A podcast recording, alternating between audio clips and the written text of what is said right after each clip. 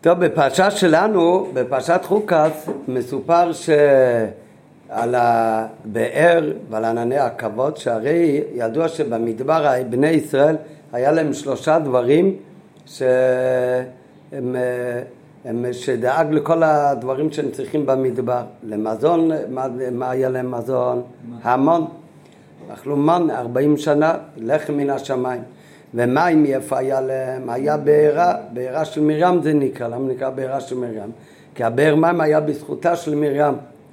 וגם מה שהקיף אותם מפני החום ומפני ה... הם, כל הדברים המזיקים האחרים כמו שנלמד, אז זה היו ענני הכבוד.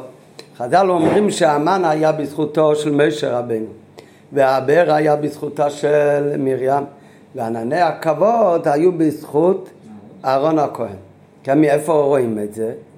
כן, רואים את זה כמו שנלמד בתוך השיחה, שבפרשה ש... כשמרים נפטרה, אז כתוב שבני ישראל הגיעו בתרעומת מאיפה יהיה להם עכשיו מים לשתות. עד עכשיו היה להם מים לשתות, סימן כשמרים נפטרה, נגמר המים בעירה של מרים. אז הקדוש ברוך אמר למשה רבינו לדבר אל הסלע ויצא מים עוד הפעם. כן, אז היה באר בזכות של מרים, לכן בפטירתה של מרים אז אה, נסתלק הבאר. אותו דבר ענני הכבוד, כתוב אחרי פטירתו של אהרן, זה לא בפרשה שלנו, זה כבר בהמשך, אז אחרי פטירתו של אהרון, הכנעני הגיע ללחום בישראל, מה פתאום עכשיו הוא נזכר לבוא לעשות מלחמה נגד בני ישראל? וחז"ל אומרים, רש"י מביא את זה, שמי זה היה הכנעני הזה, זה בעצם היה עמלק שהוא התחפש לכנעני, כי עכשיו אהרון נפטר, הסתלקו ענני הכבוד, אז היה בטוח שניתן רשות לבוא ללחום בישראל. הסימן שכשהיו ענני הכבוד זה היה בזכות אהרון. המון היה כל 40 שנה עד פטירתו של משה רבנו. משה רבנו הסתלק בזין אדר, הפסיק לרדת המן. אז המן היה בזכותו של משה רבנו. כן, מתי מרים נפטרה? מתי מרים נפטרה? בחודש הראשון, שהגיעו בסוף ארבעים שנה. בסוף ארבעים שנה באיזה חודש? בחודש ניסן. בחודש ניסן זה יום פטירה של מרים. כן? אז, אז לא היה להם מים מאז עד uh, כניסה לארץ? בטח היה להם. איך היה להם? כמו שאמרנו מקודם. כשהגיעו להתלונן אצל משה רבינו, חודש ברוך אמר לו שידבר אל הסלע ויצוד הפעמיים. זאת אומרת שהמים, הבאר של מרים חזר אחר כך בזכותו של משה רבנו. אה, וזה כתוב במפורש בפסוקים. השאלה מה קרה עם ענני הכבוד. ענני הכבוד כתוב הסתלקו אחרי פטירתו של ארן, אבל לא כתוב שום דבר האם הם חזרו ואיך הם חזרו. גם לא כתוב שבני ישראל הגיעו להתלונן, מה יהיה עכשיו? כשנעלם הבאר, כתוב שבני ישראל הגיעו להתלונן, הם, הם, אין לנו עכשיו מים, הם צמו להם מים. על ענני הכבוד כאילו לא כתוב כלום. רק כתוב שהכנעני הגיע ללחום נגד בני ישראל. שמזה מבינים שאחרי הסתלקות של אהרון הכהן, אז הסתלקו ענני הכבוד. ועל זה נלמד במשנה, בשיחה שלנו. חז"ל אומרים שהבאר שסיפקה לבני ישראל במדבר מים היה בזכותה של מרים. מיד אחרי פטירתה של מרים אומר הפסוק ולא היה מים לעדה זה בפרשה שלנו וענני הכבוד היו בזכות של ארן ואכן כאשר מת אהרון נסתלקו ענני הכבוד. למרות זאת גם אחרי שהסתלקה מרים זה לא אומר שבאמת יותר בכלל לא היה מהבאר גם אחרי הסתלקותה של מרים אז עדיין היה באר גם אחרי פטירת מרים. אותו דבר גם ענני הכבוד המשיכו בסוף גם אחרי מות אהרון. מתי נפטר אהרון הכהן? בראש חודש? אב. אבל גם היה עדיין אה, יותר מחצי שנה עד הכניסה לארץ. כיוון שאחר כך, כפי שאומרים חז"ל, אומרת הגמרא, הבאר היה בזכות מרים, ענני הכבוד בזכות אהרון. נפטרו מרים ואהרון, חזרו כולם בזכותו של משה רבנו.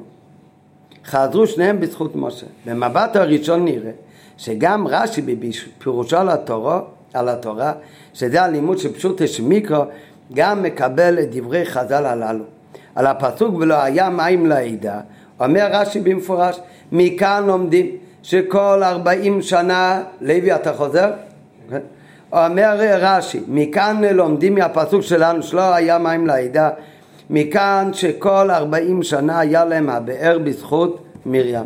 על הפסוק וישמע הכנעני, שאחרי פטירתו של אהרון שהגיע ללחום, מצטט רש"י, שמע שמת אהרון ונסתלקו ענני הכבוד.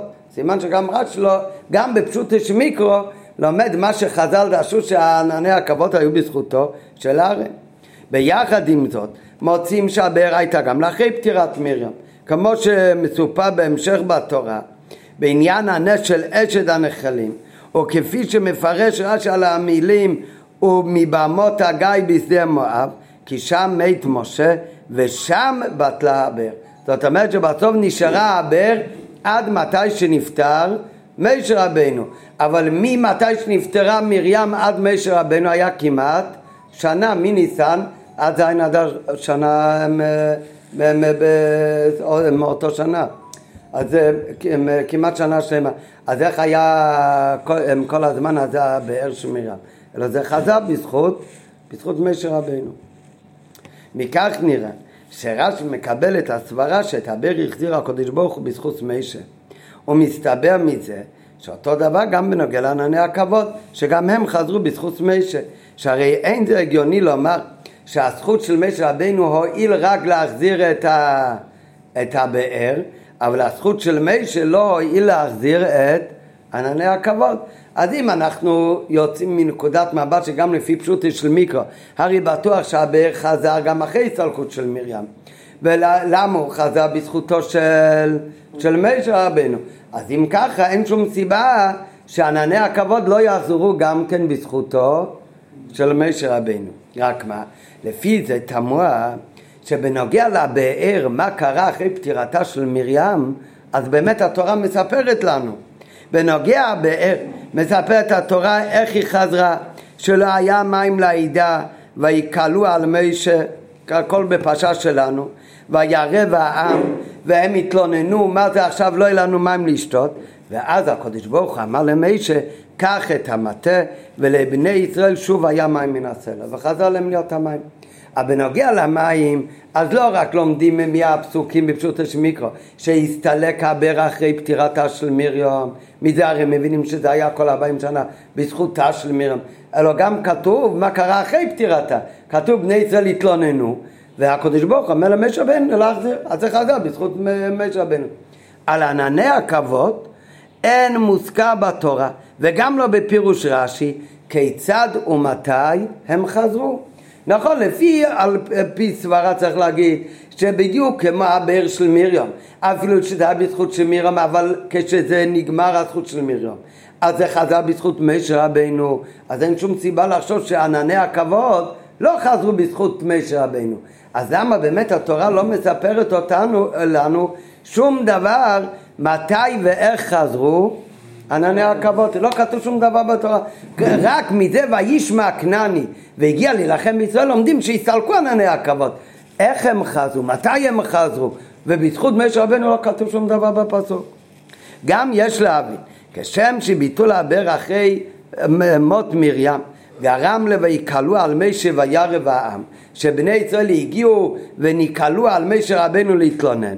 אז לכאורה גם צילוק ענני הכבוד לאחרי מות אהרון היה צריך לכאורה לגרום זעזוע אצל בני ישראל שגם כאן הם מיד יגידו רק רגע מה יהיה עכשיו אנחנו פתוחים כאן במדבר בלי ענני הכבוד מה יהיה איתנו ומדוע לא שומעים, לא כתוב שום דבר בפסוק שבני ישראל הגיעו בטענות על כך שנסתלקו ענני הכבוד.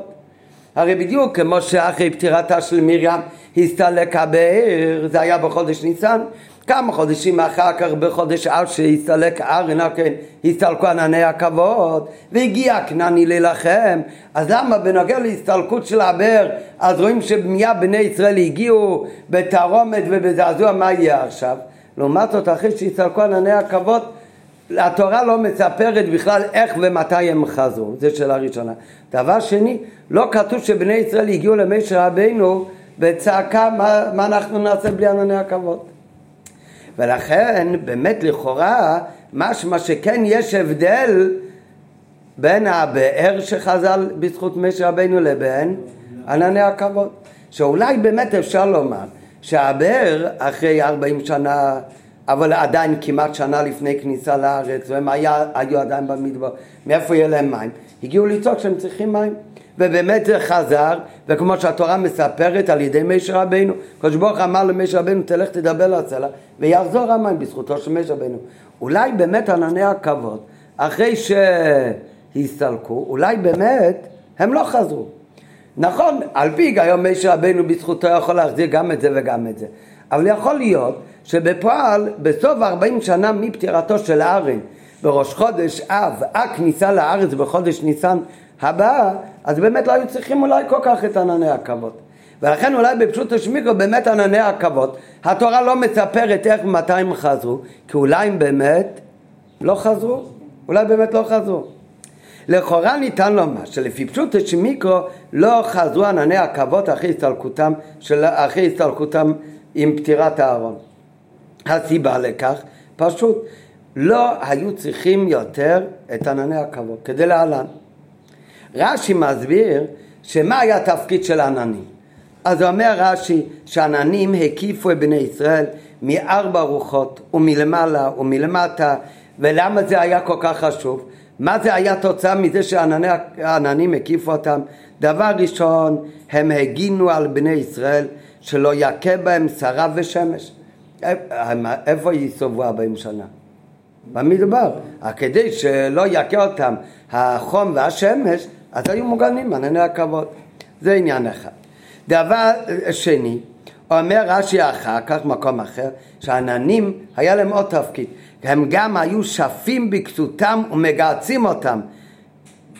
זה עוד, עוד תפקיד של ענני הכבוד, שבני ישראל במדבר היו עם אותם בגדים, לא צריכים להחליף את הבגדים, כי הבגדים אוטומטי היו מתקפסים ותמיד מתגהצים ונהיים יפים.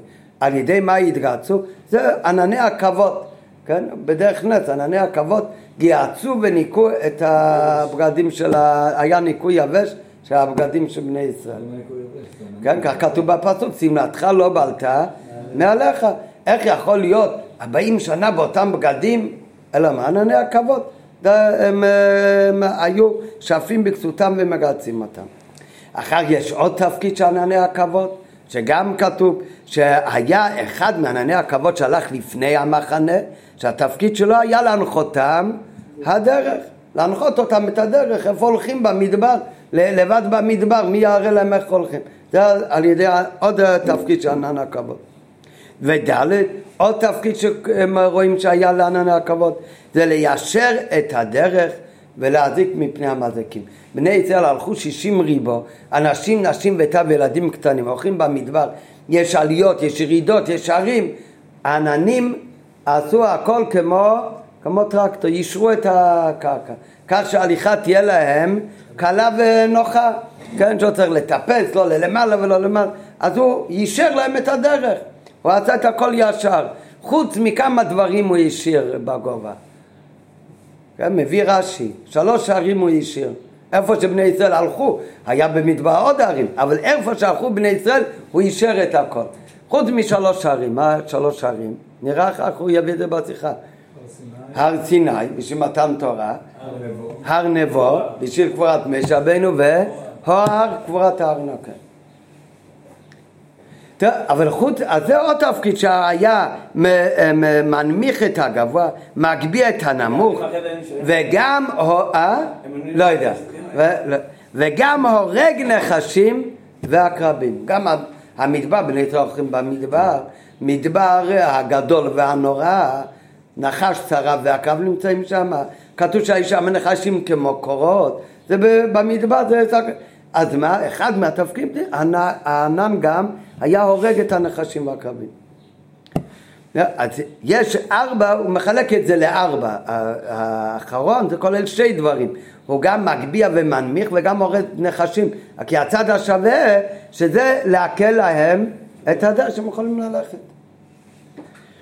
וכל הארבע נקודות האלה, כל הארבע דברים האלה שרואים, שזה היה תפקיד של עננים, אז זה לכאורה אחרי פטירתה של ארן כבר לא היה צורך.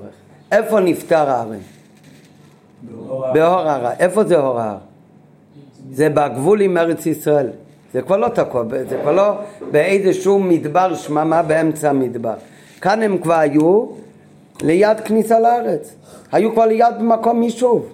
ברגע שהיו כבר ליד מקום יישוב, כבר ממש ליד הגבול של ארץ ישראל, אז באמת כבר אין צורך כל כך לא ביישר את הדרך ולא בלהנמיך ולא להרוג נחשים ועקרבים. נחשים ועקרבים יש באמצע המדבר, הם כבר יהיו כאן עכשיו בין, בין, בין, ליד מקום יישוב.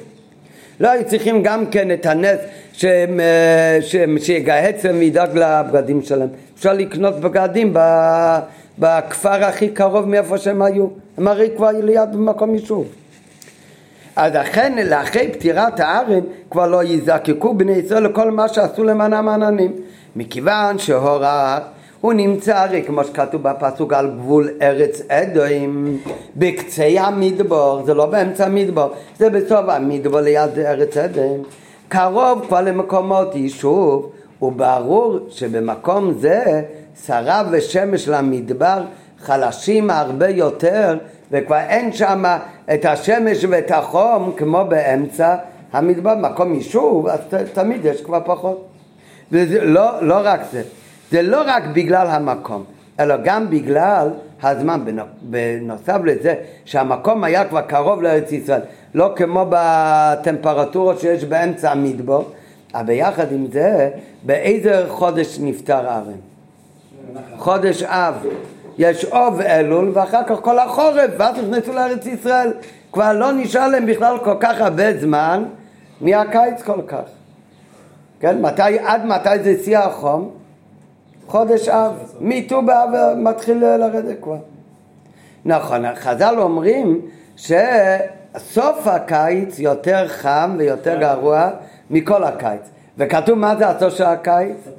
אלול תשרי אז סימן שכאן נהיה יותר חם. אז זה הרב בדרך אגב מתרץ שזה שתי דברים. החום באמת אה, מהשמש הוא בוודאי יותר חם עד חודש אב ממה שאחר כך באלול ותשרה. ולכן באמת הם כבר, כבר לא כל כך חם. וזאת לא רק בגלל המקום, גם מצד הזמן. פטירת הארין הייתה בחודש החמישי באחד לחודש, ראש חודש אב.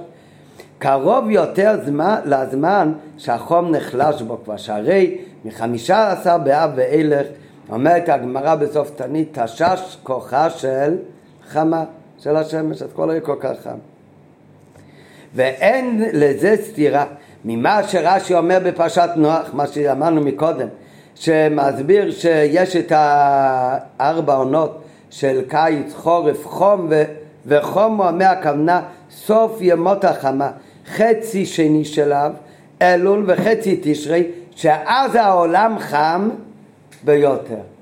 נו, איך זה מסתדר עם מה שהגמרא אומרת שמיטו באב תשש חמה, כוחה של הרב אומר זה לא סותר מה שכתוב בגמרא ממתי תשש כוחה של חמה מה שרש"י אומר בפרסניח שמחצי אב יותר חם העולם למה באמת? זה חם ביותר כי שילי קייטה סוף הקיץ קושי יותר קשה מהקיץ למה? כי שם מדע רש"י בלשונו העולם חם ביותר לא השמש חם ביותר. ואיך יכול להיות שהשמש כבר לא כל כך חם אבל העולם חם ביותר? לפי שכבר נתחמם כל האוויר וגוף הבריות בחום הקיץ שעבר עליו. אז עכשיו כאילו כדור הארץ וגם אנשים הם מתחממים, מתחממים כל חודש סיבן ותמוז ואוב, אז הוא נהיה הכי חם, אז אחר כך חצי אוב אלול ותשרי עדיין יש חום, אז ביחד עם מה שכבר העולם והגוף התחמם, אז עכשיו הוא יותר חם ויותר סובל, שילה קיץ יותר קשה מכל הקיץ. אבל זה רק מצד הצירוף של החום של השמש, שהוא עכשיו אולי פחות, והחום שכבר הגוף התחמם במשך כל הקיץ. אבל כשאנחנו מדברים על חום השמש לחוט, אז בוודאי אומרת הגמרא שמיטו באב, אז השמש כבר תשש כוחה של החמה. ומכיוון שבני ישראל עד ראש חודש אב הם התחממו מחום השמש, לא, הם הרי היו מוקפים בענני הכבוד. אז אצלהם באותו שנה, כמו כל ארבעים שנה, אז לא היה להם הסבל מהחום של העולם והגוף שלהם, מכיוון שהרי היו מוקפים בענני הכבוד שהגן עליהם מפני החום והש... והשמש. אז אם ככה, אז נשאר רק שבועיים של חום חזק. בעוד שבועיים בט"ו באב, כבר תשש כוחה של חמה. אז הם לא יסבלו כל כך מהחום בכל מקרה. אבל גם האוויר מתחמם, לא רק הגוף של הבריאות. נכון, במשך כל הקיץ מתחמם, אבל איפה שהם היו, התחמם אולי במדבר, אבל עכשיו הם הגיעו ליד מוקים יישוב. ושם החום שכל הקיץ לא כל כך השפיע עליהם, בהיותם מוקפים בענני הכבוד. אז לכן, עכשיו זה כבר הולך להיגמר כבר הקיץ. ומכיוון שהולך להיגמר הקיץ ויתחיל כבר מזג אוויר טוב של כל החורף, עד לכניסה לארץ בניסן שנה הבאה. ולכן באמת כבר לא היה, מצד ההגנה מפני השמש והחום, כבר לא היה כל כך צורך בענני הכבוד לפשוטי של מיקרו. ואילו החום של זריחת השמש של עצמה נחלש מחמישה עשר באב ואלך כמו שרואים במציאות. בענייננו, מכיוון שעד למיטה של הארץ בקיץ שעבר עליו הגנו עננים על בני ישראל מפני חום השמש, הרי לא נתחמם גוף הבריאה בחום הקיץ שעבר עליו. ומכיוון שמחמישה עשר ואילך אין זריחת השמש בעצמה גדולה כל כך, לא הוזקקו, הוזדקקו בני ישראל לענני הכבוד לבל יכה בהם השרה ושמש. אז זה העניין, מצד העניין הראשון כבר לא היה כל כך נחיצות בעננים. כך גם לא היה לבני ישראל צורך כל כך בשעת תפקידים של עננים. למה? ענני הכבוד היו שפים כסותם ומגצים, שהרי אם היה קורה של מקרה שצמלתך בעלתה מעליך, אז באמצע המדבר, נו מה הם יעשו עכשיו? איפה הם ישיגו בגדים? אבל כאן הם הרי כבר נמצאים על גבול ארץ אדוים, הם נמצאים ליד העיירות של הגויים, אז כאן יכולים לקנות בגד חדש באחד מערי אומות העולם שהיה בסביבה שלהם. אותו דבר גם כן, היו צריכים ענן עכבות העניין השלישי הוא אמר כדי להראות להם את הדרך ללכת. אז זה צריך גם במדבר, צריך נס שענן יורה להם את דרכם. אבל ברגע שמגיעים לסביבה של מקום יישוב, נמצאים כבר על קצה המדבר, בגבול ארץ אדוים, נו שם יש רחובות, שם יש כבישים עם שלט לארץ כנען ימינה, לארץ פלישים שמאלה. כאן כבר לא צריך את הנס שענן יראה להם את הדרך לאיפה ללכת. ג' וכן לא היה צריך גם כן לעננים שיהגו את הנחשים והקרבים כי הנחשים והקרבים נמצאים באמצע המדבר. כמובן שליד מקום ממושב אז כבר שם לא היו כל כך עננים והקרבים בהיותם קרובים למקומות יישוב. למרות שענן צריך היה לכאורה ליישר את הערים לכאורה אבל לתפקיד אחד אולי כן היו עדיין צריכים את העננים למה עדיין צריכים אולי את העננים? שיישר את הדרך, שיהיה להם ישר איפה שהם הולכים.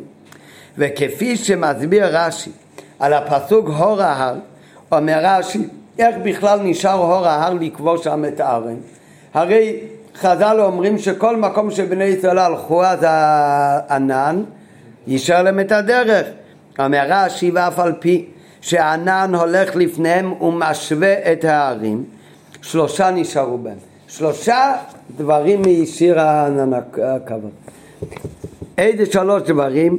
הר הר סיני, טוב זה היה כבר מזמן, הר, הור, ההר, זה לקבור את ארן, מתי זה היה? בראש חודש אב, ומה ההר השלישי שהשאיר ענן? הר נבו. הר נבו למה השאיר? למשה רבנו. מתי ההסתלקות של משה רבנו? בזין אדר. רק רגע, אז אם ככה, איך קשור לכאן הר נבו?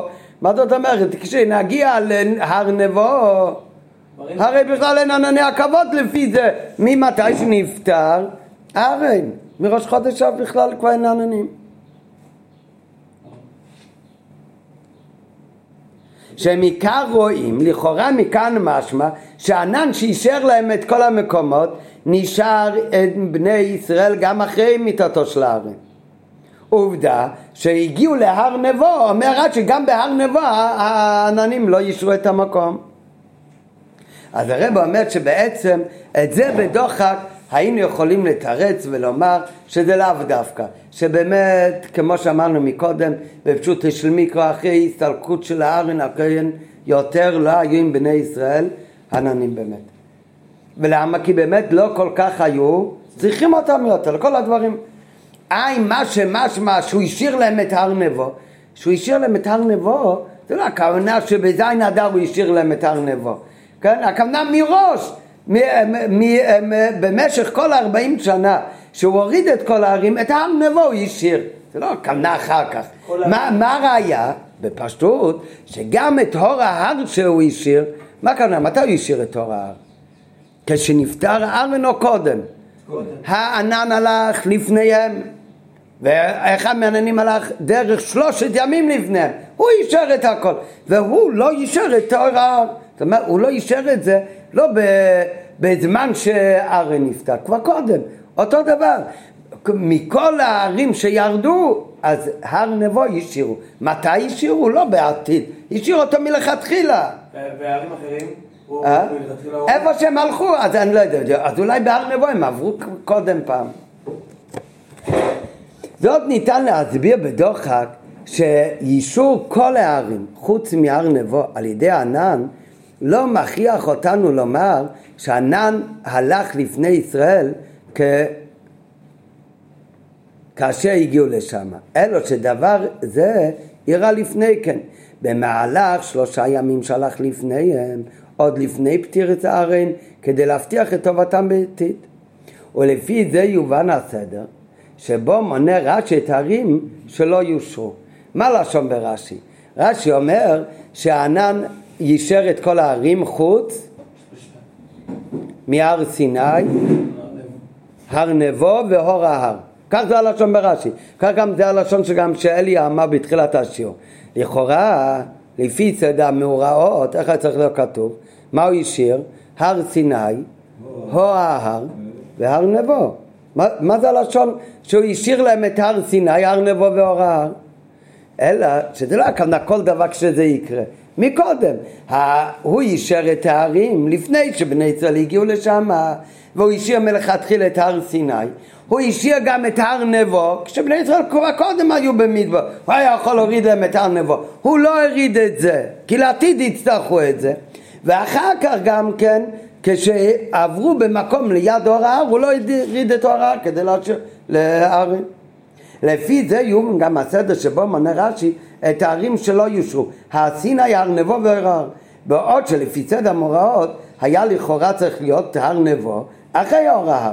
אלא שבהתאם למה שנאמר מקודם, אפשר לומר שבהקדמתו את הר נבו לפני הור ההר, בא רש"י לרמז שמתי נשאר הר נבו ולא אישרו אותו לקבורת משה. זה לא קרה בזמן מאוחר יותר, זה לא קרה אחרי פטירת הארן. כאשר הגיעו לשם בני ישראל. למה? כי באותו זמן שהגיעו לשם בני ישראל כבר לא היו עננים בכלל. אלא הכוונה באותו שלושה ימים שהקדימה הענן ללכת לפני בני ישראל, אז באותם ימים לפני פטירת הארן הוא כבר אישר להם את כל מקומות שבני ישראל יצטרכו שיהיה ישר. ואז הוא השאיר להם כבר את הר נבו לא ישר וגם כן את אור ההר. אלא בזה הוא בא להגיד שמתי הענן יישר ולא, ולא הוריד את הר נבו. זה לא היה בזמן לפני פטירת משה, בזמן מאוחר יותר כשהגיעו לשם לישראל, אלא באותו זמן שהוא השאיר את אור ההר, מתי זה היה? לפני פטירת הארן, באותו זמן הוא גם כבר השאיר את הר נבו. זאת אומרת באותו זמן הוא כבר אישר להם, הוא אישר להם את כל מה שהם יצטרכו ללכת שיהיה ישר, ואז הוא כבר השאיר להם את הר נבו ואת ההר. מה שצריך, איפה שבני ישראל יצטרכו ללכת, חוץ מהדברים האלה. עכשיו הרב לבד אומר בהתחלה שזה דוחק, אבל מיד אחר כך רב אומר הדוחק הזה הוא מדויק גם בלשון רש"י שהוא אישר את הכל והוא השאיר להם הר נבו והור ההר שלכאורה הוא קודם השאיר להם הור ההר ואחר כך הר נבו אלא מה לפי מה שאמרנו עכשיו זה באמת מובן הוא בכוונה רש"י בא להדגיש שהוא השאיר להם את הר נבו באותו זמן שהוא השאיר את הר נבו את הור ההר כי אחרי הור ההר אחרי פטירת הארן כבר לא היה בכלל עננים זה דוחק בגלל כן. שכתוב שהוא הלך שלושה ימים, מהלך שלושה ימים? לא, באותו, לא, כי בפשטות כל פעם יישר איפה שעכשיו הלכו. טוב, אבל אה, זה, זה הכל ההסבר הראשון. הרי כל השאלה בשיחה זה למה אחרי פטירת מרים רואים שבני ישראל אה, נזעקו, מה יהיה איתנו מים לשתות? וגם התורה מספרת מתי ואיך זה חזר בזכות משה. ענני הכבוד התורה מספרת שהסתלקו אחרי פטירת הארן, מצד שני התורה לא מספרת מתי ואיך הם חזרו, וגם לא שבני ישראל הם אה, התקוממו, מה יהיה איתנו עכשיו בלי עננים. אז ההסבר הראשון זה השיחה עטור ג' שאפשר לומר לפי פשוטו של מיקרו שבאמת יש הבדל שהמים חזה, משה רבנו הזכות שלו מספיק גדול להחזיר את שתיהם. אבל פשוט מצד הצורך, מים היה צורך אז הוא החזיר להם. את העננים אחרי פטירת הארן מכיוון שהיו כבר ליד מקום יישוב כבר לא היה צורך ולכן אולי באמת לא חזרו. כן, זה בפשטות. אבל עכשיו הרב לא נשאר עם זה, הרב לא מסכים עם זה ואומר שקשה ללמוד ככה ויותר נכון ללמוד שבאמת גם עננים כן היו אחרי פטירתו של ארן ולמה באמת? אז כמה וכמה הסברים קיים הכרח לומר, נראה בפנים בוגים, שעננים המשיכו ללוות את בני ישראל גם לאחר מות הארן, שכן, א', דבר ראשון, מה הפירוש להנחותם הדרך? אמרנו מקודם שאולי אחרי פטירת הארן כבר לא צריך להנחותם הדרך, כי אחרי פטירתו של הארן היו כבר ליד מקום יישוב, אז, אז יודעים את הדרכים. מה הכוונה להנחותם הדרך? מה, כי הם לא יודעים את הדרך רק? לא בשביל לא. זה. כי לא יודעים לאיפה ללכת. מי, מי החליט לאן הולכים? הקדוש ברוך הוא. בני ישראל הם החליטו איפה אנחנו פונים עכשיו, היום עושים טיול צפונה, מחר עושים טיול דרומה, מה? כי הקדוש ברוך הוא מראה להם לאיפה ללכת. גם מה זה משנה? גם אם יש דרך סלולה, אבל אתה הרי לא יודע לאן אתה אמור ללכת. ופשוט להנחית שם הדרך, אין הכוונה רק לשומרם מפני שלא ייטו במדבר, אלא להורות להם את הדרך שבו הקדוש ברוך הוא רוצה שהם ילכו. אז אם ככה, גם אחרי שנפטר הארן, והיו כבר קרוב למקום יישוב, יש שם דרך סלולה, לא ייטו, עדיין צריך שענן יראה להם איפה צריך ללכת עכשיו, לאיזה כיוון. שהרי עדיין ממתי שנפטר הארן, הכניסה לארץ, היה הרבה מעשות שבני ישראל הלכו. נו, אז דבר ראשון, גם מצד אנשי צום הדרך עדיין צריך ענן. ב' רש"י אומר במפורש, וזה עיקר שבכלל פורך את כל ההסבר מקודם, רש"י אומר במפורש שלומדים מהפסוק, מה, מה, מהמקומות שהיו בני ישראל, לומדים שבני ישראל אחרי הפטירה של ארן חזרו אחורה עשר מסעות. זאת אומרת הם חזרו לכיוון המדבור. אז היו עוד הפעם... שבע? נכון, סליחה. רש"י מציין בפירוש שאחרי מות ארן חזרו לאחוריהם דרך ים סוף שבע מסעות נכון הם היו כבר בהר ההר שהיה על קצה המדבור על גבול ארץ מויו עדן. נכון ליד מקום יישוב. אבל כתוב אחרי שפטירתו של הארן הם חזרו לכיוון ים סוף חזרה לתוך המדבור למשך שבע מסעות חזרו אל המדבור. נו אז עוד פעם צריך הגנה מנוחש תורו ואקרוב ומה... כל, כל הדברים חוזרים שצריך לכאורה ענני הכבוד. ג' עננים הגנו על בני ישראל לא רק מפני דברים שקורים במדבר ונחשים עננים גם הגנו מפני המלחמה של הגויים כך מביא הרי רש"י שכשהיו זורקים חיצים כשהגויים רצו לזרוק חיצים על עם ישראל מי עצר את החיצים? ענני הכבוד אז איך בכלל היו מלחמות? אז איך בני ישראל נלחמו עם עמלק למשל? הם יצאו מהענן. הם יצאו. כתוב איך עמלק רצה ללחום בבני ישראל? היו כאלה מבני ישראל שנפלטו החוצה. אבל אחר כך הענן הגן על מה שקורה בפנים. כשאתה רוצה לנצח אבל את הגויים, זה באמת לא מספיק, אתה לצאת מהענן וללחום נגדם. אבל על- לכל הפחות, לאלה שהיו בתוך הענן, הענן עצר וקיבל ועצר את כל האבנים והחיצים שזרקו עליהם. נו, אז גם עכשיו שהיו כבר ליד, ליד ארץ אדום, והתחילו מלחמות לפני כניסה לארץ, הולכים לכבוש ארץ יחמבוית. מה זאת אומרת? אז גם כאן צריך את ענני הכבוד שיגנו על בני ישראל מאלה שנמצאים בתוך ענן. הרי העננים הגנו על בני ישראל גם ממלחמת הגויים, לא רק מדברים במדבר. כפי שמסביר רש"י במלחמת עמלק, צא יילחם בעמלק, הכוונה תצא מן הענן ויילחם. מכך מובן שכל זמן שהם מוקפים בתוך הענן, אז לא יוכלו אומות העולם להילחם בהם. כפי שכבר הסביר רש"י לפני כן, שהאונון היה קולט את החיצים והאבני בליסטראות שהיו מצרים זורקים. אז אם ככה, מיד אחרי פטירתו של ארם וישמע כנעני וילוחם בישראל, וכמו שמפרש רש"י בראותם שניסלקו ענני הכבוד, לכן חשו שניתנה רשות להילחם בישראל, מכיוון שהעננים הם היו גם כן הגנה מפני הגויים שנלחמים נגדם. אז אם ככה, אז צריך עדיין הגנה של ענני הכבוד על ישראל. במלחמות הבאות היו כמה מלחמות עד שבני ישראל נכנסו לארץ ישראל. ד' עוד סיבה למה חייב להיות שנשאר להם ענני הכבוד תפקידו של ענם במ"ם בית מסעות לא היה רק להראות לאן ללכת אלא כמו שהתורה מעריכה אומרת בני ישראל הגיעו למקום בנו את המשכון כמה זמן הם היו במקום על פי השם איך הם ידעו? מה היה הסימן? שהענן היה במקום. איך ידעו מתי צריך לנסוע? הענן עלה והתקפל מעליהם. זאת אומרת, בנוסף להראות את דרך והכל, בכלל כל בני ישראל לדעת מתי להיות במקום לחנות, מתי לנסוע, הכל היה על פי הענן. נו, ממתי שנפתח ארן עד כניסה לארץ, היה מלא מסעות במדבר. גם השבע שהלכו אחורה, ואחר כך גם כן המשיכו להסתובב. אז הרי הכל היה על פי הענן, לא יכול להיות שלא חזר להם עננים. התפקיד שענן במ"ם בית מצות לא היה רק להראות לאן ללכת, אלא גם כפי שמכאיבה התורה בפרשת בעלי ישחו, להודיע מתי וכמה זמן יחנו ומתי ייסעו. דבר שהיה בו צורך בכל המסעות עד לכניסה לארץ ישראל, גם בכל אותם חודשים, מחודש אב עד כניסה לארץ. ה' ועיקר, העיקר על הפסוק בפרשה הקודמת, פרשה, בפרשה הבאה. בפרשה הבאה יש את הסיפור של, של בולוק ש, ובילום, שרצה שיקלל לבני ישראל.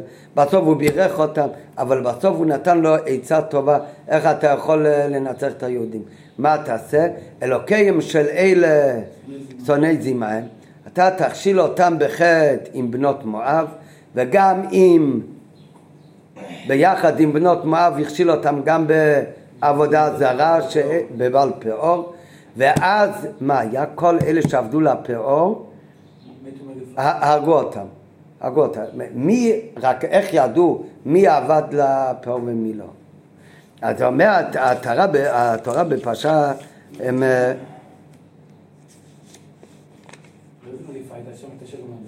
את השם אל משה, נכון, גם היה, ויהי השם אל משה, קח את כל ראשי העם והוקע אותם להשם נגד השמש וישוב חרון אב השם מישראל.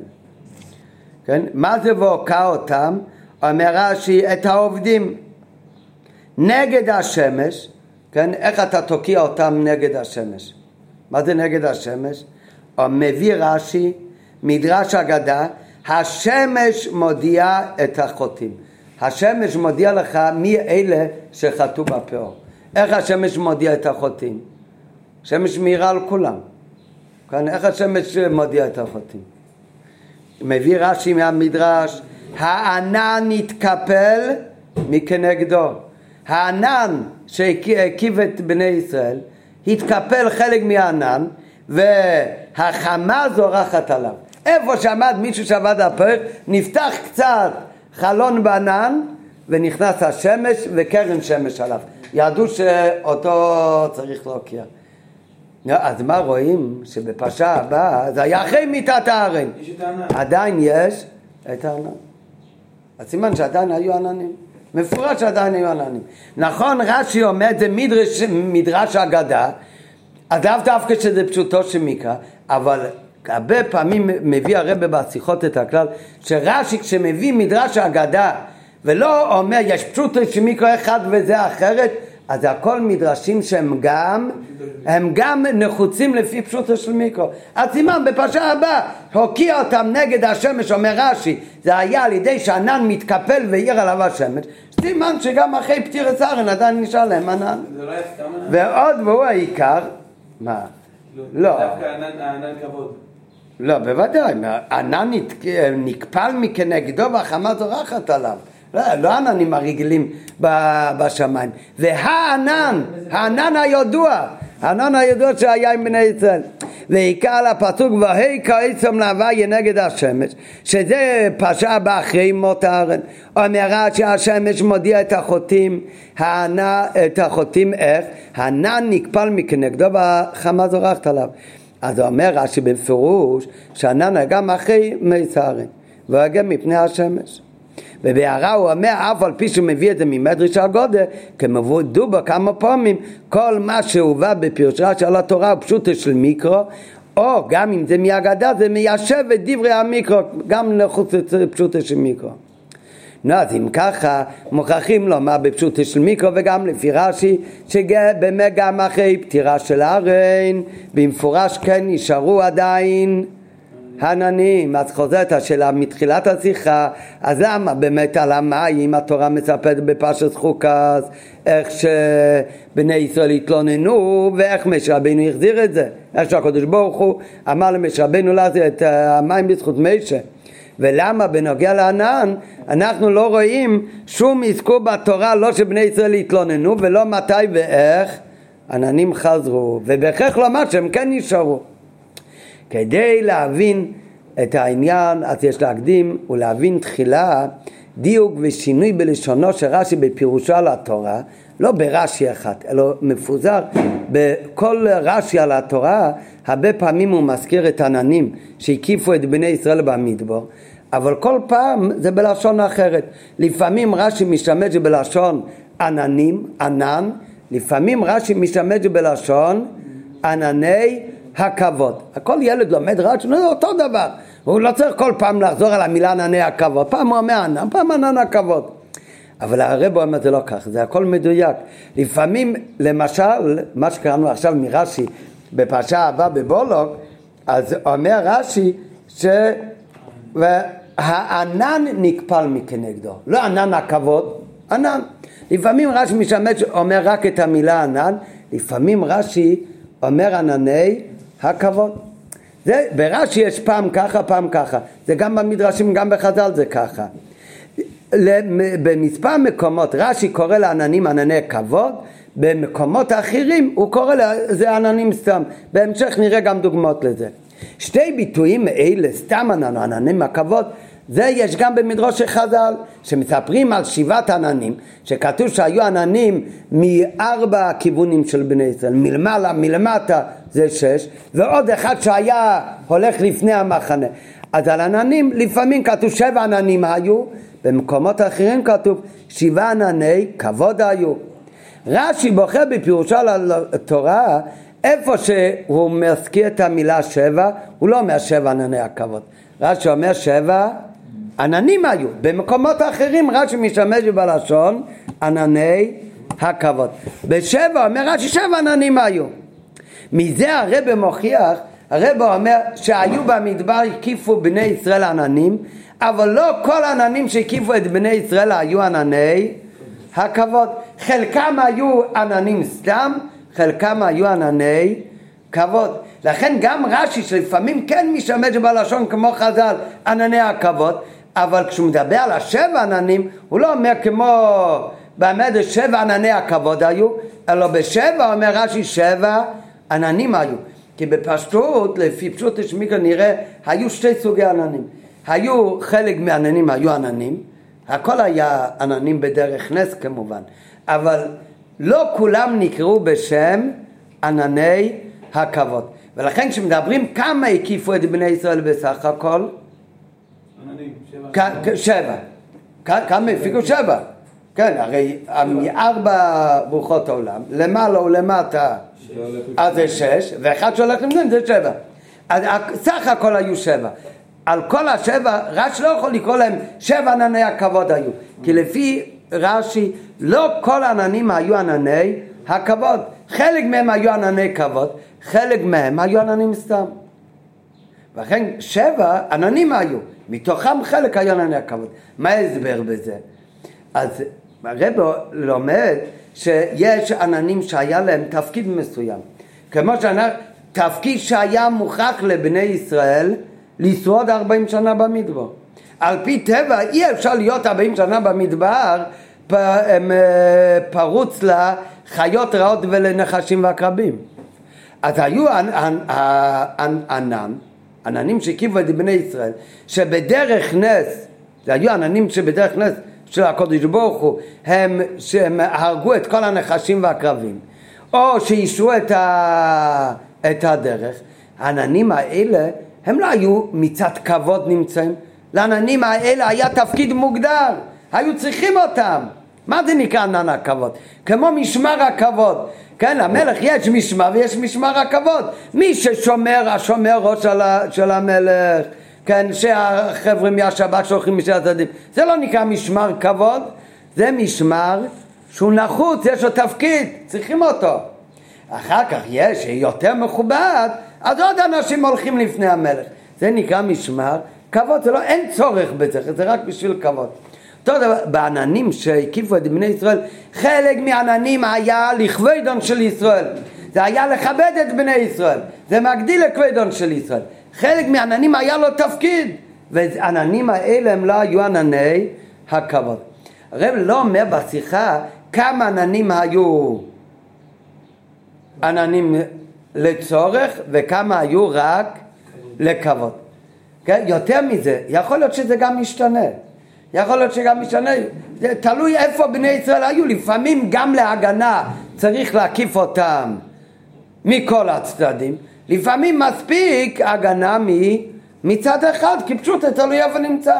בפועל תמיד הקיפו עננים את בני ישראל מכל הצדדים וגם מלמעלה ולמטה, למה? כי באמת היו עננים גם מצד כבוד לכבד את בני ישראל, מצד כבודם של ישראל. ולפי הדיוק הזה אפשר עכשיו להבין את כל מה ששאלנו מקודם ששתי הדברים נכונים. גם נכון שבעת שהארי נסתלק. בעת שהארי נפטר הסתלקו ענני הכבוד. ובכל זאת לא כתוב בתורה שבני ישראל הם צעקו מה נעשה עכשיו? וגם לא כתוב בתורה מתי ואיך חזרו עננים בזכות משה רבנו. כי לפי פשוטו של מיקרו, ענני הכבוד באמת לא חזרו. אה, אם כך, איך הם שרדו? הם כתוב הרי שחזרו למדבור, והיו שם כל המסעות האלה, מה, איך הם יסתדרו בלי עננים? כל עננים שצריך כדי שיסתדרו, זה לא נקרא ענני הכבוד. זה עננים שמוכרחים לבני ישראל כשהם נמצאים שם. העננים האלה באמת לא יסתלקו גם אחרי שהארן נפטר. זה אף פעם לא עזב אותם, זה נשאר איתם. רק מה, בפועל היו שבע עננים, ומתוך שבע עננים חלק הוא באמת לא היה לצורך, אלא רק לכבודן של ישראל. עננים האלה הסתלקו כשער נפטר, ואלה באמת לא חזרו, לפי פשוטו של מיקרו. יש לו מה ש... בקטע השישי בעוד ד', יש לו מה שהסבר לכך ולהלן. בפסוק קיים הבדל בין עננים סתם לענני כבוד.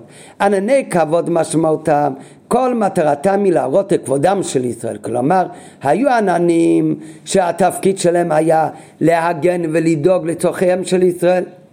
אם כי כתוצאה מכך גם נגלה חיבתם וכבודם של ישראל, כמובן, גם עננים שעשו את התפקיד כדי להגן על בני ישראל שיכולים לשרוד במדבר, גם בזה מתבטא הכבוד והחיבה של בני ישראל. אבל היו עננים נוספים שכל המטרה של העננים האלה זה רק לשם כבוד, לפרסם את הכבוד שמכבד הקדוש ברוך הוא בני ישראל. ומכך מובן שלא כל העננים הם ענני הכבוד. לדוגמה, הענן שמנמיך את הגבוה והורג נחשים ועקרבים, איזה ענן זה היה שהורג את הנחשים? אה? הנה מחלוקת בין טל לאליה. טל אומר התחתון ואתה אמרת מה שהלך לפניהם. נכון, אז בהרע הם אה, מביא באמת למטה נראה רק. אבל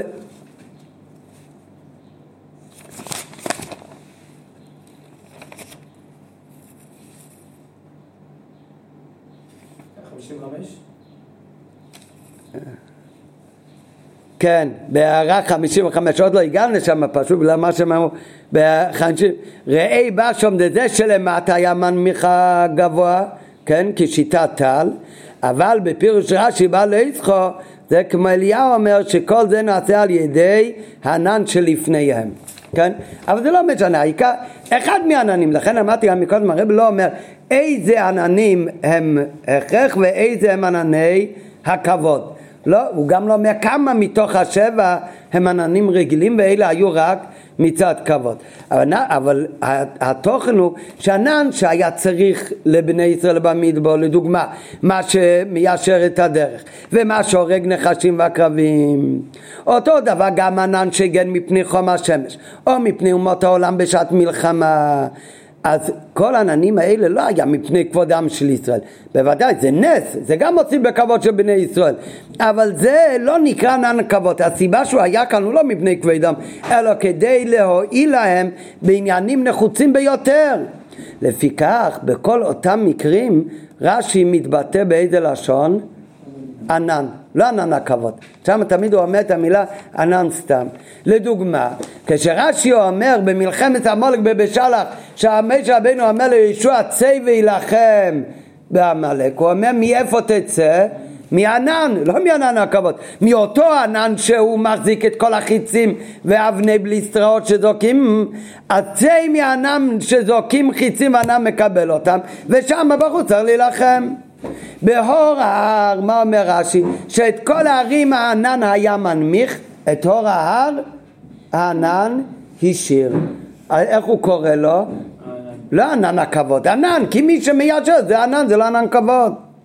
נגד השמש, טוב, זה הענן מתקפל והחמה זורחת עליו. כל הנחשלים אחריך, זה היו, אומר רש"י שמה ענן פולטן, זה, הכוונה כל בני ישראל היו מוגנים בתוך ענן. כשהמולק הגיע להילחם, על מי הוא הגיע להילחם? כל הנחשולים אחריך. אומר רש"י, מי, מי פלט אותו? הענן של ההגנה, לא מענן הכבוד. זה הכל עננים שהם היו לצורך. לעומת זאת, אצל עננים שהסתלקו עם הישארין, שם כתוב הביטוי, נסתלקו ענני כבוד. בלבד הרב לומד מה באמת הסתלק אחרי שנפטר ארן הכהן? לא כל השבע עננים, רק עננים שהם היו מצד כבוד. כל מה שהיה מצד נחיתות של בני ישראל זה נשאר. אולי נשאר בזכות משה רבינו, אבל זה בכלל לא הסתלק. ענני כבוד אלו אכן באמת לא חזרו. ולכן לא כתוב בתורה מסופר איך חזר המים. התורה לא מספרת איך חזרו העננים. כי אותם עננים שנסתלקו אחרי מיסרים הם באמת לא חזרו באמת. ולפי זה גם מובן מדוע לא היו לבני ישראל תלונאות על הסתלקות עני כבוד כמו שהיה להם בבירה של מירם כשנשארו בלי מים אז בני ישראל היה להם תלונות הם פחדו מה יהיה עכשיו אבל כשענני הכבוד הסתלקו, הבני ישראל לא היה להם כל כך תלונות, למה? כי כל העננים שהם צריכים כדי לשרוד, זה נשאר איתם, זה בכלל לא עזב אותם. רק מה, הכבוד, עננים שמצד הכבוד, אז זה, זה באמת לא נורא כשיסתדרו גם בלי זה. ולפי זה גם אפשר לתרץ קושייה של הרעם. זה, אנחנו כולנו יודעים שבסוכות, מה הסיבה שאנחנו יושבים בסוכה בחג הסוכות, אז זה, זה הרי מצווה שכתוב במפורש בתורה, שיהודי שמקיים את המצווה גם צריך לדעת למה הוא עושה את המצווה. למען ידעו דורותיכם, כי בסוכות הושבתי את בני ישראל והוציא אותם מארץ מצרים. אז לכאורה נשאלת השאלה, הגמרא אומרת במסכת סוכה באמת שתי uh, דעות, האם זה כנגד שלפי דעה אחת בני ישראל יצאו ממצרים, בנו לעצמם בקתות, סוכות, אבל ההלכה היא לא ככה, כתוב אורוך שיהודי נכנס בליל הראשון של חג הסוכות ומברך אשר קדישון במצוות עולי שבסוכה, צריך לכוון אני יושב בסוכה זכר לבסוכות הושבתי את בני ישראל שזה ענני הכבוד, כך כתוב במפורש בהלכה. הלכה כמו הדעה בגמרא אומרת זה זכר לענני הכבוד. שואל הרי הם, אם, אם זה זכר לענני הכבוד, כמה היה היקף עננים בבני ישראל במדבור? שבע. שבע. מה המצווה של סוכה? צריך שלוש מחיצות, שתיים וטפח. איך זה יכול להיות? אם זה הכל למען ידעו, זה לענני הכובד, לא, למה לא צריך שבע? אלא מה, לפי מה שאמרנו עכשיו זה טוב, זה בכלל לא שאלה. זה זכר לבסוכיס השבתי, זכר לענני הכבוד, לא כל השבע היו ענני הכבוד. לא כתוב בדיוק כמה, אולי שתיים וטפח זה תמיד היה רק לכבוד. וכך אפשר לתרץ גם את הקושייה שלהם. הוא אומר, הרי עננים מדלת רוחות, אחד למעלה ואחד למטה. סוכה דומה לעננים, וכפי שרש"י אומר, בסוכות הושבתי ענני הכבוד. אז אם ככה, גם לסוכה צריכות להיות אחד מלמעלה, אחד למטה, וארבע מארבע רוחותיה. וההלכה היא שמספיק סוכה שתי דפנות שלמות ודופן שלישי של בטפח. יש להוסיף לקושייתו לא רק זה, עכשיו הוא שואל על ה... מהשש, האמת, אם זה באמת זכר ל... ליציאת מצרים, אז צריך כאילו גם השביעי, זה לעשות עוד אופן לפני הסוכה, כמו ענן שהלך לפני המחנה. אבל לפי המוליל מובנים הדברים. הזכר שאנחנו עושים בישיבה בסוכה זה רק לענני הכבוד. זה עניינים שכל מטרתם היה רק כבוד לבני ישראל. הענן שהלך לפניהם וכן חלק מששת העננים האחרים הם שימשו לצורך של בני ישראל במדבר. ולא עליהם זה הזכר שלהם בסוכית הושבתי כן, וכאן מגיע רע מה שאתה אומר שהענן שהלך לפניהם הוא היה בשביל להנמיך ולהרוג את הנחשים. לכן הוא לא היה מצד כבוד, הוא היה לצורך אם כך, גם מספר דפנות הסוכה לא קשור למספר ענני הכבוד, ובמיוחד כאשר יש לומר, לא קשור למספר עננים שהיו במדבר, כי כאילו הרי לא כולם היו באמת ענני הכבוד. ובמיוחד כאשר יש לומר שהיו בכך שינויים באמת, שלא כל פעם היה, זה, זה, הרי כמה באמת היו עננים לצורך כמה ל... אז באמת זה לאו דווקא שהיה כל הזמן אותו דבר. לפעמים היה יותר עננים לצורך, לפעמים היו יותר עננים לכבוד, כי תמיד היה להם שבע. רק מתי היו צריכים את כולם? לפעמים עכשיו לא צריכים ליישר מקום ולא להרוג, להרוג נחשים, גם אז הלך האונון שלפנים, באותו רגע הוא היה לכבוד, כן? אבל הרבה זמן הוא היה לצורך.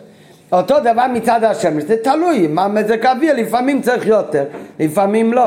אתה מוקף בהרבה אויבים, אז צריך עכשיו מכל הארבע צדדים מתעננים כדי שיקבל את החיצים. לעומת זאת כשאין עכשיו אויבים מסביב, רק להגן מפני השמש, אז מספיק ענן באותו צד איפה שנראה השמש. לכן אין באמת מספר כמה קבוע כמה היה ענני קבוע, כמה עננים לצרכים. רק זה בטוח, כל מה שהיה לצורך, אז זה נקרא אונון סתם. כל מה שמעבר לצורך, וזה יכול להיות ישנה לפי הזמן, אז זה מה שנקרא וחז"ל ענני הכבוד לפי רש"י.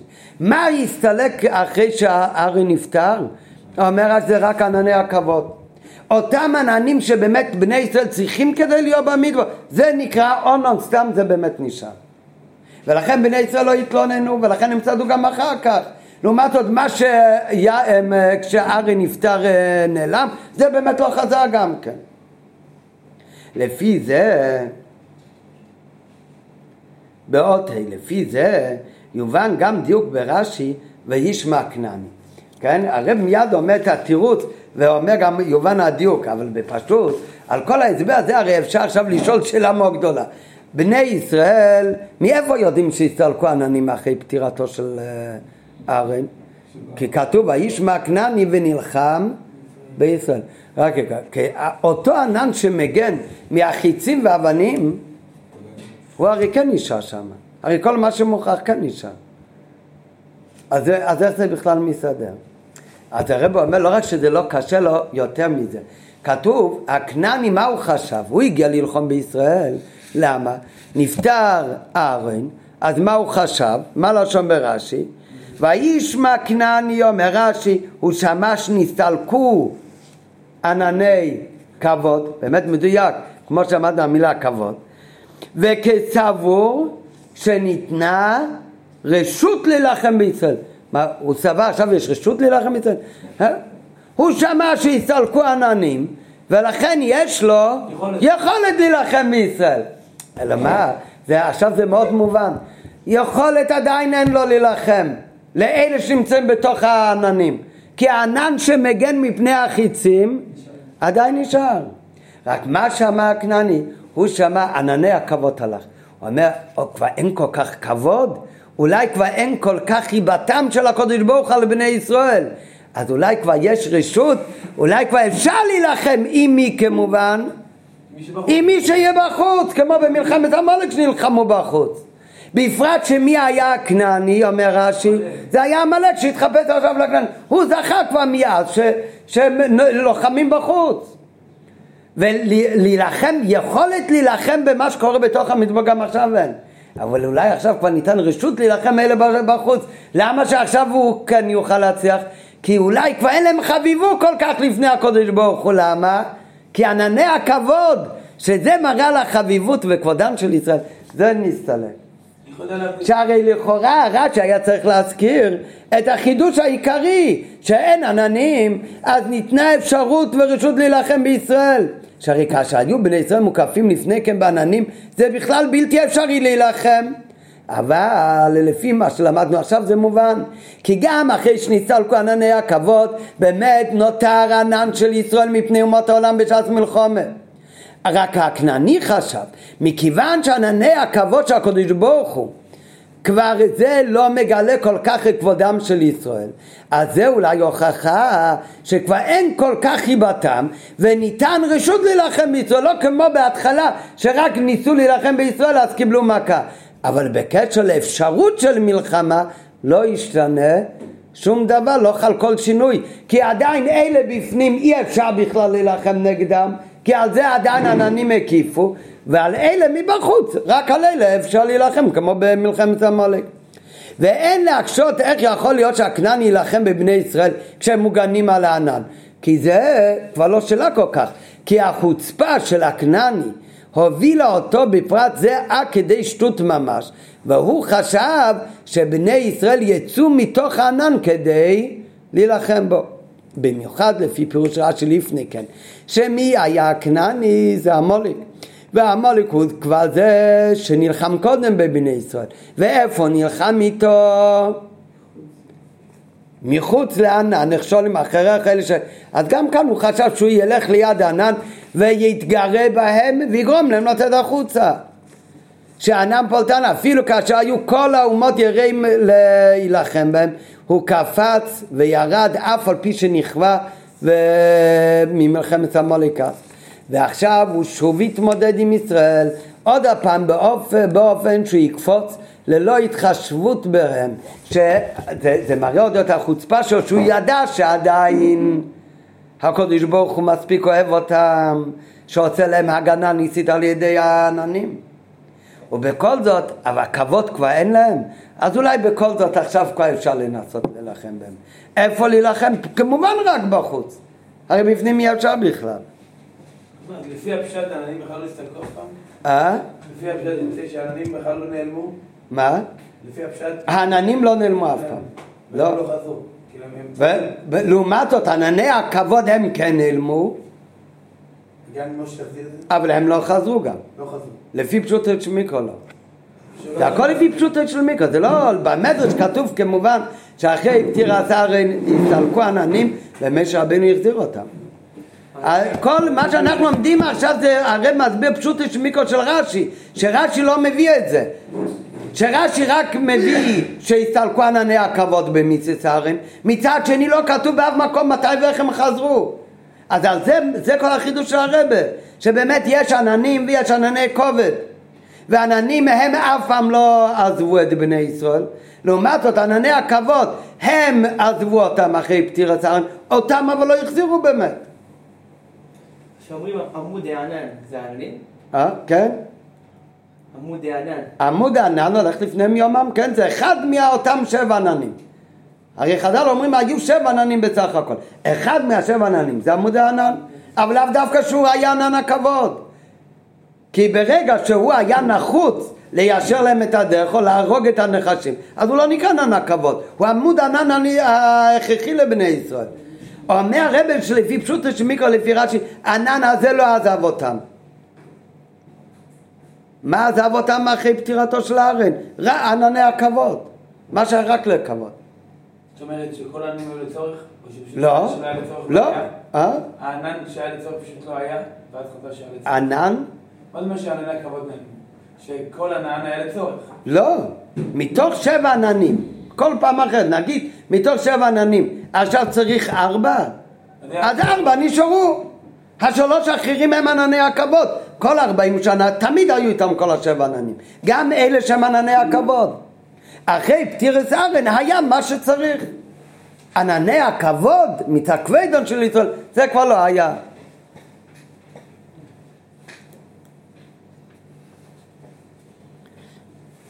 רק מה לפי זה אפשר גם כן לשאול על ההסבר שלי להודות ההבדל בין ענני הכבוד לבין עננים סתם, אפשר לשאול, רש"י אומר ענני כבוד היה, היו שפים בכסותם ומגעצים אותם וגם ילדים קטנים כמו שהיו גדלים היה גדל לבוש עמהם לכאורה שני תפקידים אלה זה דברים שנחוצים כצורכי בני אדם ולא עניין של כבוד בלבד. ומקודם הרי ראינו בדיוק שכל הדברים שהיו נחוצים רש"י תמיד משתמש בלשון ענן, לא בענני כבוד.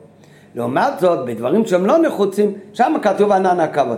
אבל כאן רואים שיש דבר שהענן היה לו תפקיד, לגהץ את הבגדים ולהגדיל את הבגד עם הילדים, כן? ובכל זאת רש"י משתמש בלשון לא רק ענן, אלא ענן הכבוד. לפי ההסבר שאמרנו שכל ענן שהוא היה עם תפקיד מסוים, זה לא נקרא ענני כבוד. זה הענן.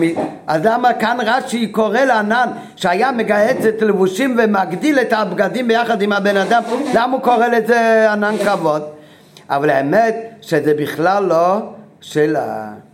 כי גם זה באמת אין רש"י מתכוון באומרו ואף קטניהם היה גדל לבושן עמהם להמשך תפקידיהם של ענני הכבוד כי מה באמת הקשר בין גדל לבושן עמהם לבין ענני הכבוד אלא שתוך כדי דיברו, דיברו על הלבושים מציין רש"י שבהם היה נס נפרד שגדלו ביחד עם גופן ללא קשר לעננים כדברי רש"י כלבוש הזה של חומץ שגדל עמו. הסיבה שרש"י מביא זאת כהמשך לפירושו שענני כבוד היו שפים בכסותם שבדיוק כאן עשויה להתעורר שאלה ענני הכבוד הם עשו נס וזה אפשר להבין למה זה נקרא הם, אה, הם אה, ענני הכבוד כי הם יכולים גם לכבץ את הבגדים שלהם. זה שלא היו צריכים לכבץ את הבגדים ולגהץ את הבגדים כי זה נעשה על ידי העננים אז זה בוודאי עניין שהוא לא הכרחי, זה לא כמו להרוג את הנחשים ואת העקרבים. לכן זה באמת מתאים לקרוא לזה ענן הכבוד, זה מוסיף בכבודם של ישראל, שהם לא צריכים להתעסק בקיבוץ וגיוץ הבגדים, הכל נעשה על ידי ענן. אז זה בתור, נשאלת אבל השאלה, רק רגע, זה באמת עשה ענן הכבוד. אבל אפשר לכבס ולעשות נס לבגדים שיש בן אדם מבוגר. לילד קטן לא יעזור גם אם, ה... אם, ה... אם הבגד מתכבס. למה זה לא יעזור? כי הוא מתכבס, אבל בינתיים הילד גודל, כל שנה הוא צריך מכנסיים חדשות. אז כבר אומר רש"י, כבר קרה עוד נס. הנס הזה לא, לא היה קשור לעננים בכלל. אז רש"י סתם אומר, ואם תשאל מה עוזר שענני הכבוד באמת כיפסו את הבגדים, אבל הרי הילדים צריכים שיהיה להם בגדים חדשים, אז על זה מיד אומר רש"י, גם הילדים לא היו צריכים בגדים חדשים, מכיוון שקרה נס שהם גדלו ביחד עם הבגדים. כמו חיה שהעול שלה גודל ביחד עם הגוף. לא האור, הבית.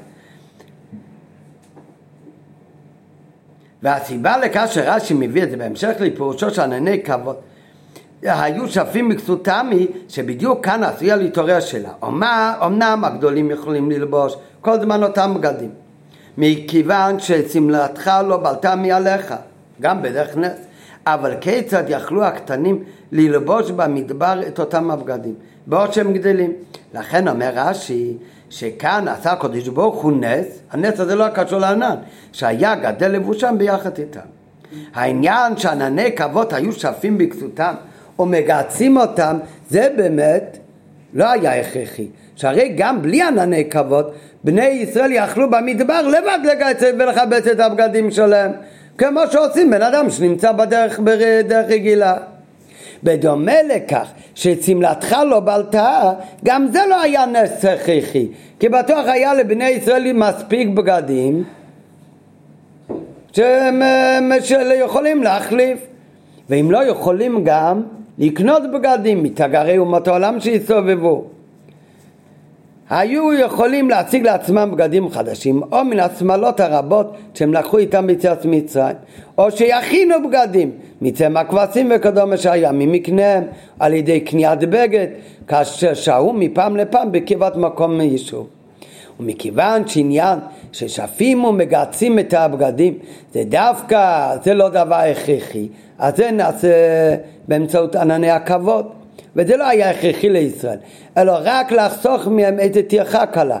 אז זה עצמו סימן אמיתי לכבוד, לעוצם הכבוד שהקדוש ברוך הוא מכבד את ישראל, ולכן על זה באמת רש"י אומר, זה נעשה על ידי לא רק ענן סתם, אלא לזה רש"י קורא ענן הכבוד. אה? מה? לא, בסדר, נכון, הנה על פי פנימיץ העניונים אז אה, אלי אומר ש, שגם בגדים נקראים כבוד כמו שטל אמר בשבת במים רבי יחנן קרא לבגדים שלו מכובדיי עדיין יש להבין. רש"י אומר שבטלה באר קשור לפטירת משק הרי נראה שהוא סובר ששיבת הבאר הייתה בזכות משה, כאמור לעיל סיפל.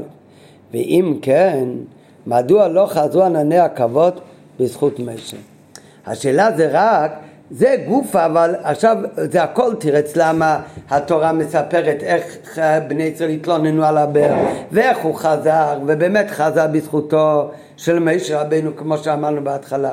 לעומת זאת על העננים לא, תורה לא מספרת לא שהתלוננו ולא מתי ולא איך הם חזרו, לפי כל ההסבר שאמרנו עכשיו זה באמת, הרב לומד, באמת לא חזרו. איי, איך שרדו? נשאר להם אותם עננים שנקראים עננים סתם, ולא ענני הכבוד, וזה אף פעם לא יסתלק. אבל זה גופה צריך להבין. למה באמת את הבאר הוא חזר בזכות משה רבנו? למה באמת ענני הכבוד, נכון עננים שהיו נחוצים, נשאר איתם, אבל למה באמת ענני הכבוד לא החזיר גם משה רבנו. הרי משה רבנו, אם היה לו בכוחו, בזכותו שיחזור הבאר, למה שבאמת לא חזר בזכותו של משה רבנו גם ענני הכבוד? אלא משה רבנו דאג לכל דבר שבני ישראל יש צורך בהם. כן? כמובן, הבאר היה בזכות של מרים, לא בזכות משה. רק מה, אחרי שנפטרה מרים, בני ישראל צריכים מים. המשה רבנו דואג גם לזה, צריך את זה. העננים, עננים שאם מה שבני ישראל צריכים, משה רבנו יספק להם. אבל כאן הם היו צריכים, הם לא היו צריכים. כי עננים שהם צורך, הם לא עזבו אותם. ענני הכבוד, זה לא היה צורך באמת עכשיו. אז זה גם, אז משה רבנו לא, לא דאג לזה.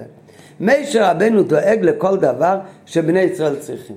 ולא רק זה, משה רבנו דואג לכל דבר שבני ישראל צריכים, לא רק בזמן שלו, לא, מרים היא סיפקה דאגה לבאר בזמן שלה.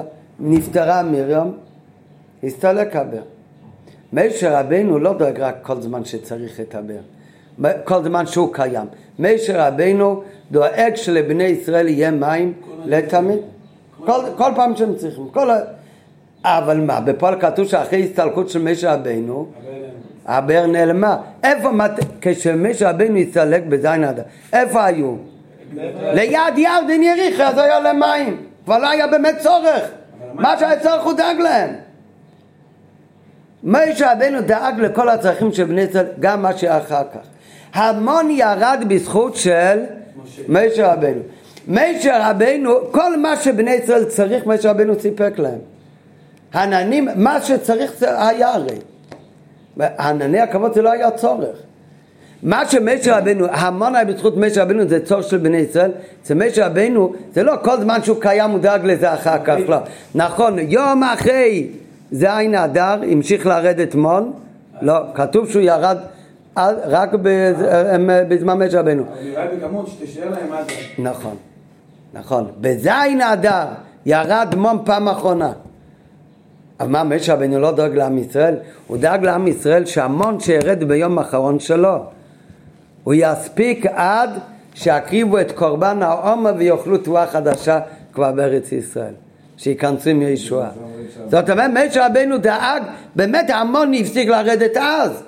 אבל המון סיפק אותם עד שהם היו בתוך ארץ ישראל והתחילו לאכול מלחם הארץ. עדיין יש להבין. אם רש"י אומר שבטלה הבאר בסוף, סופית זה היה קשור לפטירת של משה, אז נראה שהוא סובר שאיך הוא חזר אחרי פטירת הארין? בזכות משה. אז למה לא חזרו גם ענני הכבוד בזכות משה? נכון, עננים בכלל לא עזבו אותם, אבל ענני הכבוד כן נסתלקו. למה הם לא חזרו בזכות משה? יש להסביר זאת כדלקמן. לפי פשוטה של מיקרו, כל מה שקיבלו ישראל באמצעות של משה לא דומה למה שהם קיבלו באמצעות ארן ומרים. שבזכותם קיבלו ישראל ענני כבוד ומים.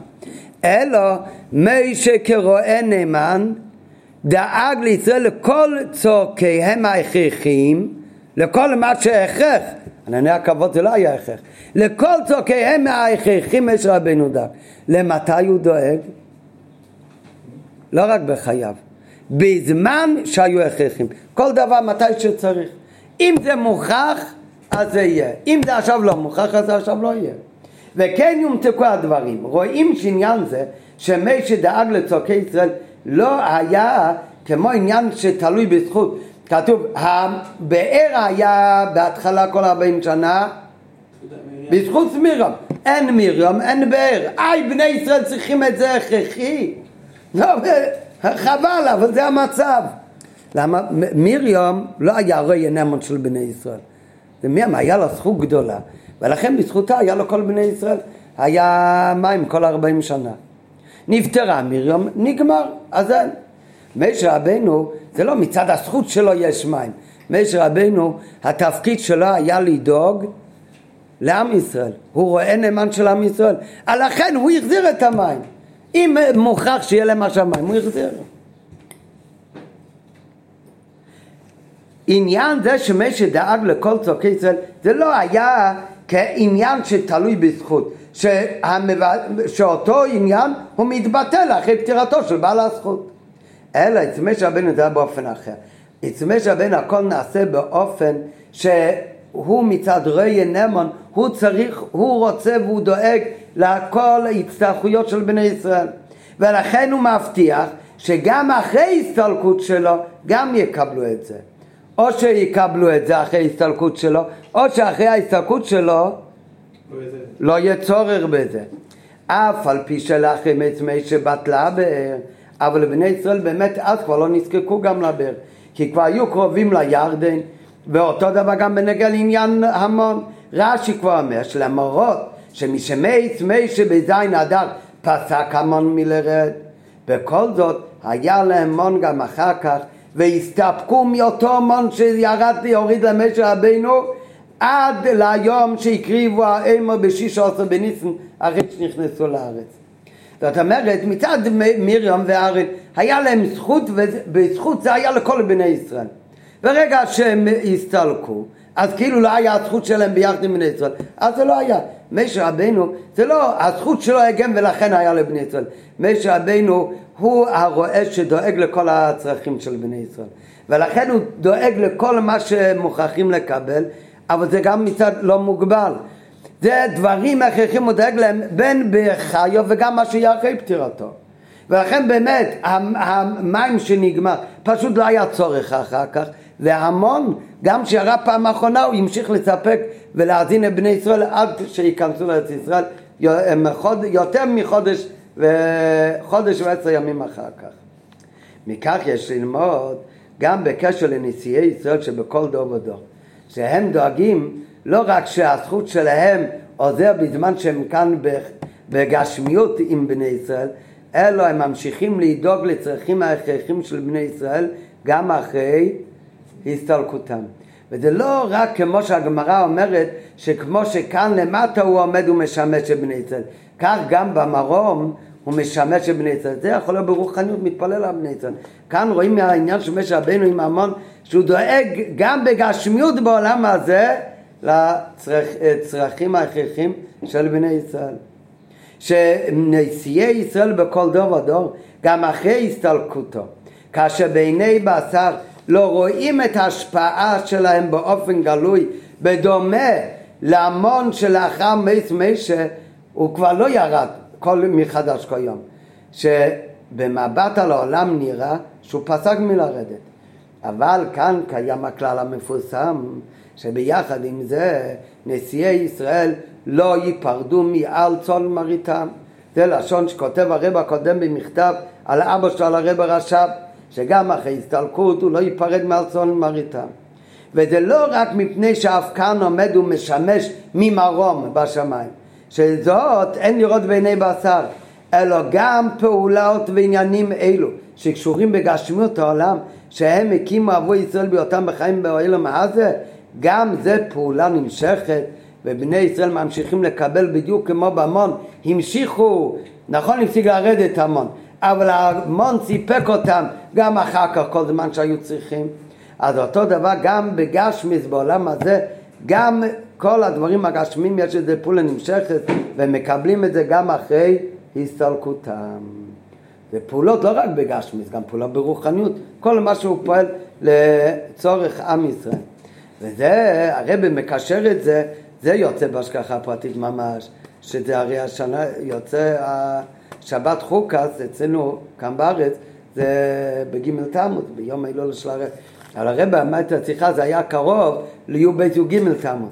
שהרב הקודם מסר את נפשו ברוסיה להפצת יהדות שגם אחרי ההסתלקות של הרב הקודם רואים שכל הפעולות האלה שחסידים יכולים במסירות נפש להפיץ תירו מיצס אפילו במקום סכנה, זה המשיך גם כאן למטה בגשמיות בעולם.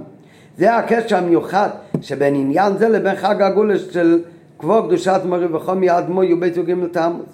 שהרבה שנים חל בשבוע של פרשת חוקס, שעניין זה מתגלה באופן בולט בגאולה של הרבה. רואים במוחש שהניצחון והגאולה של י"ב י"ג תמוז בימים ההם, שגרמה לכך שאפילו במדינה ההיא תתקיים החזקת תורה והפצת היהדות.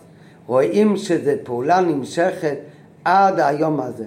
דבר זה כבר הביא להקמת שלושה דורות של יהודים שם ריטר ומיציס במדינה ההיא, שעל כך קובעת התורה שלא ימושו מפיך, מפי דרך ומפי דרך דרך, מעתה ועד עולם. כמו שמשה רבינו דאג לכל הדברים ההכרחים שאחר כך כבר ימשיכו לבד עד שלא יצטרכו כבר את המון. אותו דבר הפעולה של הרב הקודם זה פעל דור ועוד דור ועד שאחרי שלוש דורות יש כבר קיום הבטחה שימשך להפצת טרומיצס וחיזוק טרומיצס יתר על כך רואים שאפילו כאלה שהיו כבר מספר דורות מנותקים רחמנא ליצלן מטרב יהדוס עקב המצב החמור והתנאים האיומים במדינה ההיא, גם אלה ממשיכים לקבל מהפעולה הנצחית של בעל הגאולה עד היום הזה, וזה מעורר אותם עכשיו לתשובה, שכל זה שהם עכשיו מתעוררים וחוזרים לצום מחצבתם, זה הכל הרי תוצאה מהפעולות שהרבא הקודם ששלח שלוחים לשם והמשיך להחזיק, אחר כך כמובן בגלוי זה המשיך על ידי הרבא, הדור שלנו, והם שווים לחיים של תרא ויהדות, ובאמצעות עשייה כדבו של הפעולות של חג הגאולה שזה חיזוק תורה ויהדות והפצתם באופן כללי, במיוחד בעניין של הזמן רומה. הפוצץ מיונס אכצידוס חוצו, יביא הדבר לקראת תימר, דם על כמשיחה במהרה בימינו ממש.